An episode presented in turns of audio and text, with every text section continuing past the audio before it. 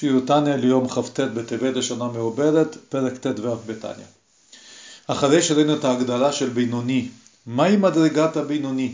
בינוני זה שהנפש האלוקית שלו היא המושלת ובגוף שלו, מחשבה, דיבור ומעשה שלו, רק של הנפש האלוקית, אבל יש לו שני שופטים, יש לו גם הנפש הבהמית בחלל השמאלי את הרע נמצא בתוקפו כתולדתו, והוא מתהווה תאווה, והבינונים לא מקבל את התאווה, לא מהרהר עליה וכיוצא בזה.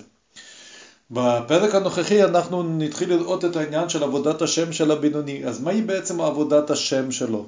במה הוא עובד את השם? כמובן, הוא נזהר במחשבה, דיבור ומעשה, אבל הדרגת עבודת השם של הבינוני, כמו שנראה בהמשך. אומר האדמו"ר הזקן, פרק ט"ו, ובזה יובן מה שכתוב, פסוק, פסוק במלאכי, ושבתם וראיתם בין צדיק לרשע, בין עובד אלוקים לאשר לא עבדו. הפסוק במלאכי מביא ותתבוננו ותראו את ההבדל בין צדיק לרשע, בין עובד אלוקים לאשר לא עבדו. הגמרא בעצם שואלת את מה שנשאל בהמשך, את ההבדל בין עובד אלוקים לצדיק וכולי, מה ההבדל בין הדרגות האלו, אבל הגמרא שם מתרצת רק את הכפל, מה ההבדל בין רשע ללא עבדו.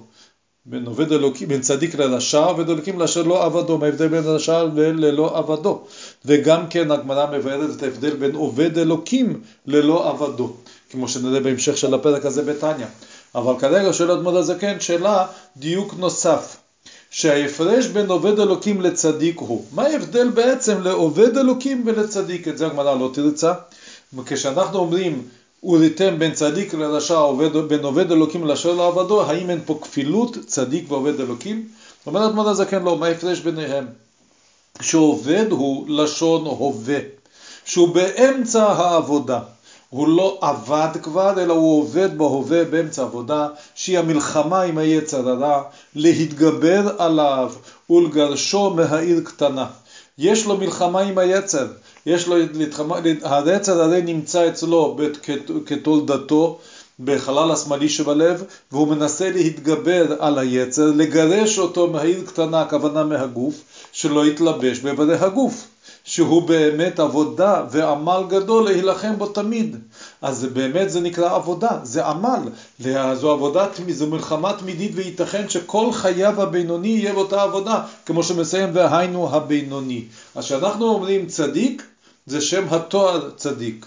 כשאנחנו אומרים עובד אלוקים לאשר לא עבדו, עובד אלוקים זה הבינוני שהוא באמצע העבודה שלו ויש לו עמל גדול וייתכן שכל ימיו יהיה באותו עמל לא לתת לנפש הבהמית להשתלט על הגוף שלו. אז זה בינוני. אבל הצדיק נקרא עבד השם בשם התואר, כמו שם חכם או מלך. מה זה אומר חכם או מלך? האם חכם הכוונה שהוא לומד, זה תלמיד חכם, הוא לומד להיות חכם. או מלך, אם הוא עושה משתדליות למלוך, לא, אלא הכוונה שכבר נעשה חכם או מלך. כך זה כבר עבד וגמר לגמרי עבודת המלחמה עם הרע, עד כי בגרשהו וילך לו וליבו חלל בקרבו. כפי שכבר ראינו, הצדיק עליו נאמר הפסוק בתהילים, בליבי חלל בקרבי, שמע דוד המלך, שהיצר כבר לא נמצא אצלו, אין לו יצר.